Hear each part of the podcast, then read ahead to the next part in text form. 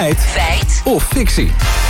Nou, over dure treinen, Evelien en bussen. Waarom? Nou, gisteren debatteerde de Tweede Kamer over het OV... en in dat debat een opvallende uitspraak van PvdA-Kamerlid De Hoop.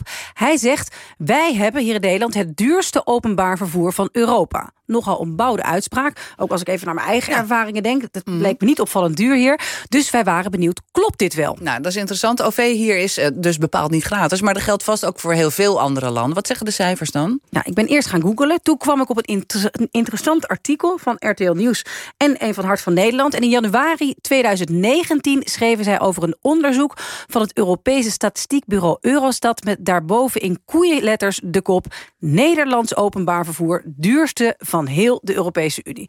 Nou, we belden hierover met Wijnand Veneman, onderzoeker openbaar vervoer aan de TU Delft. En hij zegt dat ook taxis en zelfs vliegtickets in het onderzoek zijn meegenomen. Mijn uitkomsten zijn het feit dat vliegen en taxis erbij zitten...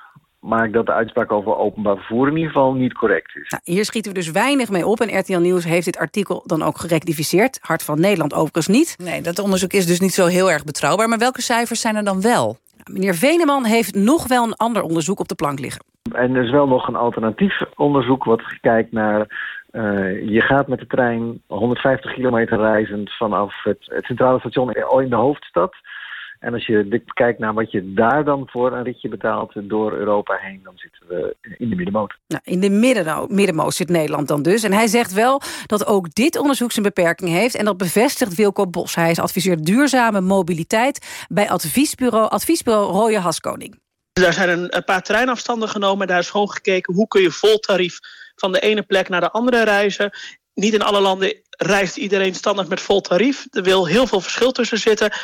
Plus dat het echt nogal uitmaakt welke tickets ze daar in de verschillende landen hebben genomen. Ze hebben bijvoorbeeld in Groot-Brittannië het last minute ticket genomen daar.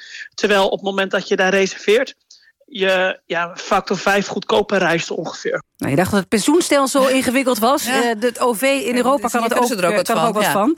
En hebben landen ook nog allerlei verschillende modellen... voor bijvoorbeeld kortingstarieven, abonnementen, ouderenkorten enzovoort enzovoort. Meneer Veneman heeft, ook, heeft nog veel verder gegraven in de cijfers van Eurostat. En daaruit blijkt onder meer dat treinreizen niet in Nederland... maar in Zweden het duurst is. Oké, okay, het is dus nu zo goed als onmogelijk... om het hele Nederlandse OV te vergelijken met dat van andere landen. Ja, luister maar naar Wilco Bos. Het is heel lastig om het openbaar vervoer in zijn totaliteit te vergelijken juist door al die verschillende tarieven en juist door al die verschillende mogelijkheden.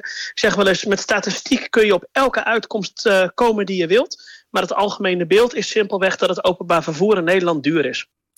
Hoe, hoe, hoe je het ook kunt kneden, de statistiek altijd... in vergelijking met andere landen, is inderdaad ja. ons EV, OV duur. Oké, okay, nou, dan is de vraag... is de uitspraak van Kamerlid uh, Haptamoe de Hoop... is dat dan feit of fictie? Dat het echt het duurste is van Europa... dat kun je echt niet met zekerheid zo vaststellen. Dat, dat beoordeel ik dus als fictie. En dat legden we ook nog even voor aan hem wat belangrijk is voor mij, is dat het gewoon voor heel veel mensen onbetaalbaar is. Kijk, natuurlijk hebben zij gelijk als ze zeggen... in elk land zit het net iets in elkaar. Dus je kunt dat misschien moeilijk heel erg hard zeggen. Maar tegelijkertijd komt Nederland altijd bovenaan uit in deze lijstjes. Dus we kunnen in ieder geval stellen dat het relatief ontzettend duur is. Ja, hoe je, krom, hoe je recht kunt praten wat eigenlijk een beetje krom oftewel fictie is. Maar hij heeft daar natuurlijk wel weer gelijk in. Oké. Okay.